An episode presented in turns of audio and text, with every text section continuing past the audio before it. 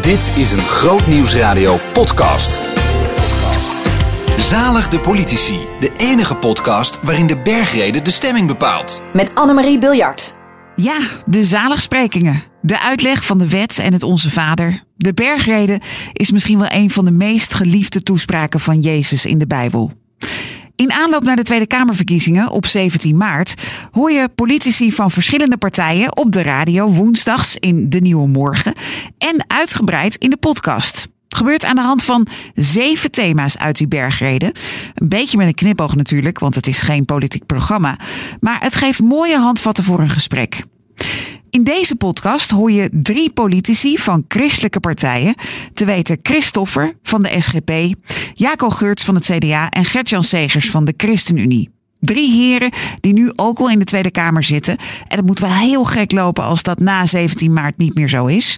Dus laten we hen en hun partij maar eens naast de bergrede meetlat leggen. Te beginnen bij. Uit de bergrede. Zalig zijn de armen van geest, want van hun is het koninkrijk der hemelen. Jezus zei tegen zijn leerlingen: Luister niet alleen naar wat ik zeg, maar doe het ook. Dan lijk je op een verstandig man die zijn huis op rotsgrond bouwde. Nou kijk, het fundament van het CDA is dat we een brede volkspartij zijn, waar mensen die geworteld zijn in alle lagen van de samenleving elkaar vinden in een vast geloof in de democratische waarden en omzien naar elkaar. Maar ook voor ons is fundament het evangelie. En daar horen ook christelijke waarden bij als barmhartigheid, rechtvaardigheid, integriteit uh, en ijver. Uh, die ik als Veluwenaar uh, er maar bij wil zetten. En uh, ja, binnen het CDA zijn meerdere geloofsrichtingen actief, die zich met name centreren rond de joods-christelijke traditie. En ik ben zelf een representant van de gereformeerde gezinten. Uh, waarmee ik aansluit in een rijke traditie binnen het CDA met volgangers als uh, Gerard van Leijenhorst, uh, Aart Mostert en Eddie Bilder. En ik ben ook niet een Kamerlid die bijbelciterend de Kamer rondgaat, maar ik tracht wel elke dag het evangelie in woord en daad tot uiting te brengen. En, maar dat gaat ook met vallen en opstaan. Uit de bergreden. Zalig zijn de armen van geest, want van hun is het koninkrijk der hemelen. Jezus zei tegen zijn leerlingen. Luister niet alleen naar wat ik zeg, maar doe het ook. Dan lijk je op een verstandig man die zijn huis op rotsgrond bouwde. Ja, als ik uh, moet kijken wat echt het fundament van onze partij is, dan is dat toch wel uh, de Bijbel. Um, wij zeggen altijd, de SGP wil een politiek bedrijf met een open Bijbel. Ze zien als ons fundament. En het is altijd best een zoektocht dan van hoe vat je dat samen. Ja, en dat voor mezelf is altijd het mooiste om dat te doen aan de hand van de tien geboden die God ons geeft. Die natuurlijk aan de ene kant iets zeggen over God liefhebben boven alles. En aan de andere kant je naaste liefhebben als jezelf. Zo mooi als Jezus dat zelf samenvat. En ik denk dat dat een mooie grondbeginselen, mooie fundamenten zijn waarop je je politieke werk probeert uh, op te bouwen en op te zetten. En ja, volgens welke lijnen we ook proberen de Nederlandse samenleving in te richten. Uit de bergreden. Zalig zijn de armen van geest, want van hun is het koninkrijk der hemelen. Jezus zei tegen zijn leerlingen: Luister niet alleen naar wat ik zeg, maar doe het ook. Dan lijk je op een verstandig man die zijn huis op rotsgrond bouwde. Jezus Christus, dat is het fundament. En wat zou u daar nog aan toe willen voegen, behalve ja. Jezus Christus? Uh, dat is het kloppend hart. Dat is het kloppend hart van het evangelie. En uh, dus als je mij vraagt wat is je hoop voor deze wereld, dan is mijn hoop is is zijn hoop. Is namelijk dat hij belooft: ik ga alles nieuw maken. Uh, dit is niet het einde. Dus het verdriet wat ik tegenkom, de gebrokenheid die, die, uh, die ik tegenkom, ehm, soms hopeloze, uitzichtloze situaties, daarvan weet ik: dit heeft niet het laatste woord, omdat Jezus dat beloofd heeft. En als ik er middenin sta, midden in die wereld sta, dan hoop ik heel erg dat ik met zijn ogen kan kijken en met zijn oren kan horen. Dat ik zijn voeten ben en zijn handen en heel iets van zijn iets, iets van zijn liefde zichtbaar en tastbaar kan maken. Dat is, dat eigenlijk wat ik hoop. En dat is het kloppend hart en dat is het fundament van mijn leven. En ja, ook het fundament van, van, van de ChristenUnie.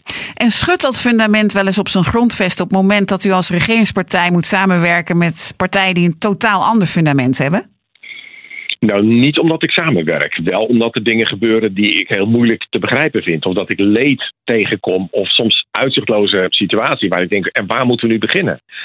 Um, we hebben recent hebben rellen gehad waarbij ik met verbijstering heb zitten kijken hoe jonge gasten die in dit land opgroeien, alle kansen krijgen, ehm, alles kort en klein slaan. En dan denk ik, ja jongens, waar moeten we beginnen met het onderwijs? Waar moeten we beginnen met fatsoenlijk samenleven? Waar moeten we beginnen met moraal? Weet je, dus soms ben ik wel even van mijn, van mijn, van mijn sokkel afgeblazen. Of even, even, dat ik het even niet weet. Of als ik, als ik, als ik naar de vluchtelingenstromen kijk. Als ik kijk naar ja, een wereld die, die uit duizend wonderbloed. Dus dan, dan, dan, Tuurlijk heb ik wel eens momenten van vertwijfeling van Heere God, waar bent u dan en waar is uw hoop dan en hoe kunnen we hier hoop bieden? Maar dat is niet omdat ik met andere partijen samenwerk. Uit de bergreden. Zalig zijn de armen van geest, want van hun is het koninkrijk der hemelen. Jezus zei tegen zijn leerlingen: Luister niet alleen naar wat ik zeg, maar doe het ook. Dan lijk je op een verstandig man die zijn huis op rotsgrond bouwde. En een van mijn slogans is, uh, die op de Tweede Kamerwebsite staat, is alles in afhankelijkheid van hem en dat hem met hoofdletter. Ja, de bron, dat is duidelijk, is het evangelie. Um, toch worstelt het CDA nu al tien jaar met haar identiteit en de koers die ze moet varen. En dat lijkt zich te vertalen in het aantal stemmen.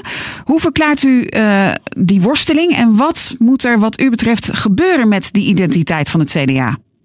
Nou, kijk, de ontzuiling is niemand voorbij gegaan. En als ik de moderne ontzuiling uh, wil noemen, zie je ook dat andere partijen, even bijvoorbeeld de SGP, die me ook zeer lief is, uh, waar een vette discussie, een heftige discussie intern is over samenwerking met Forum. Nou, het CDA heeft er duidelijk aangegeven dat we met Baudet in een re regering willen.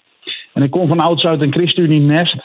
Uh, of RPF-nest daarvoor. Maar daar zie ik ook dat ze worstelen met uh, de evangelische richtingen. Dus dat is uh, ook andere christelijke partijen niet onbekend. Ja, waar wil het CDA, hoe gaan we verder? Hè? ik vond dat u het wel een beetje negatief neerzette, maar ik denk dat we moeten blijven doen waar we goed in zijn. En dat is het land besturen. kijk naar Hugo de Jonge hoe hij een ongelooflijke moeilijke taak heeft in deze coronatijd. En eh, ik ben van mening dat Rutte zich eh, geen raad zou weten als hij het zonder Hugo zou moeten doen. Maar ik denk dat wij ook sterk zijn in het uh, slaan van bruggen tussen verschillende stromingen, tussen links en rechts. Het klinkt allemaal een beetje saai, maar ik denk dat we dan wel zo verder komen in het leven. Uit de bergreden.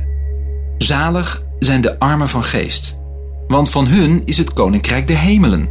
Jezus zei tegen zijn leerlingen: Luister niet alleen naar wat ik zeg, maar doe het ook. Dan lijk je op een verstandig man die zijn huis op rotsgrond bouwde. Van oudsher is het doel van de SGP niet om zoveel mogelijk kiezers te halen, maar de principes uit Gods woord meer erkenning te laten krijgen en te laten doorwerken in Nederland. Nou, dat is een hele duidelijke identiteit. Uh, zorgt het er ook voor, uh, ondertussen, het zorgt ondertussen ook voor dat u met gemiddeld twee zetels bij iedere verkiezingen altijd afhankelijk bent van andere partijen om iets voor elkaar te krijgen. Wat heeft die insteek dan voor zin? Ja, um, nu speelt dat in, in de Nederlandse politieke samenstelling voor iedere partij, dat je anderen nodig hebt. Maar als je, zo groot als wij, twee à drie zetels, um, ja, dan heb je er altijd uh, best een paar extra nodig. En toch um, is het mooi denk ik om te zien uh, dat je af en toe net Ehm, de partij die ehm, ja, op sommige punten doorslag kunt geven of iets kunt laten horen vanuit, uh, vanuit Gods woord. Dus ik denk, ja, ik vind het wel mooi. En het mooiste wat ik vind is dat in het parlement ook, ja, laten we gewoon heel letterlijk zeggen, Gods woord af en toe uh, gehoord kan worden. Dat past bij onze Nederlandse samenleving.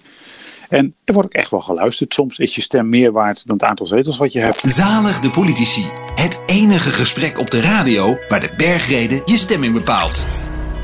En dat allemaal naar aanleiding van Het Fundament, de rots van drie verschillende partijen. Jaco Geurts van het CDA, Christoffer van de SGP en Gert-Jan Segers van de ChristenUnie. Alle drie spreken ze zich op hun eigen manier uit. En ja, er zijn verschillen. En ja, er zijn overeenkomsten uit de bergreden. Maak je dus geen zorgen over de volgende dag. Want de volgende dag zal weer zijn eigen zorgen met zich meebrengen. Elke dag heeft genoeg aan zijn eigen problemen. Uh, mijn zorgen die, die zitten wel in een, in een verharding en een polarisatie in onze samenleving. Waarin ik zie dat mensen soms onverzoenlijk tegenover elkaar staan. Mensen elkaar verbaal te lijf gaan. En recent ook zelfs de straat op gaan en alles kort en klein slaan. Ik zie daar een, een, soms een, een woede achter waar ik mij uh, oprecht zorgen over maak. Ik maak me ook zorgen over de gevolgen van deze coronatijd voor onze samenleving. Um, in een discussie over de avondklok bijvoorbeeld, dan, dan, dan spreek ik ook mensen die zeggen: Ik zit hier met een suicidale tiener thuis. Dan, dan kan ik daar ook letterlijk wakker van liggen. Dan denk ik, wat werkt dit uit en wat gebeurt hier met onze samenleving en wat doet dit beleid? Wat doen keuzes die wij ook maken? Wat doet dat met mensen? Daar kan ik oprecht wakker van liggen. En dan zie je dat er eh, rellen uitbreken. Dat, dat, dat baart me erg veel zorgen. Dat waren wij in Nederland eigenlijk in deze omvang uh, niet meer gewend. Maar uh, mijn, mijn hoop daar ook weer bij, en dat zie je ook, dat, dat onze politie het ook weer in de hand uh, weet te krijgen. dat, dat ook gewoon burgers op straat hun medeburgers aanspreken, dat dat niet moet gaan gebeuren. Als ik nu kijk van wat ik heel graag zou willen, en daar ligt ook gelijk mijn zorg.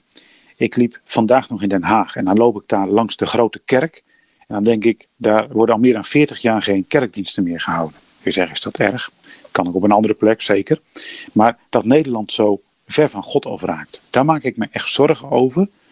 En eh, als ik, ook als ik dat zie nu in deze coronaperiode, dan denk ik, ik zou zo graag zien dat mensen ook zien van dat God wil dat we ons weer omkeren naar Hem toe.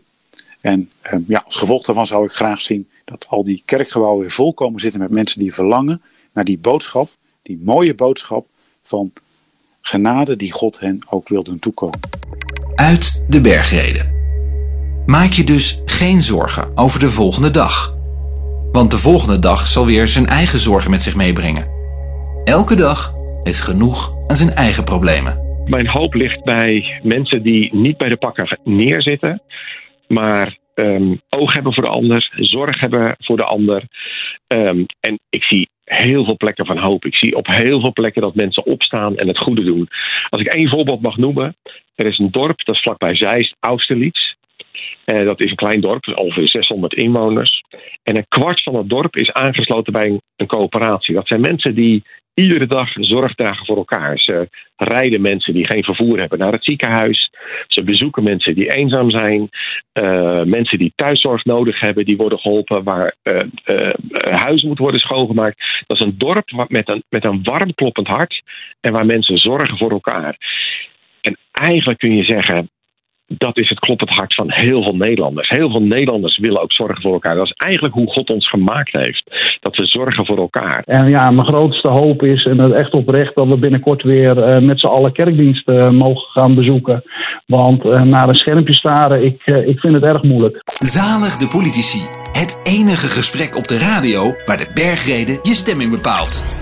Zalig de politici, waarin in deze aflevering het CDA, de SGP en de ChristenUnie aan het woord kwamen over twee zaligsprekingen uit die bergreden, waarmee je een politiek overzicht krijgt op een hele unieke manier. Luister ook naar de andere afleveringen van Zalig de politici.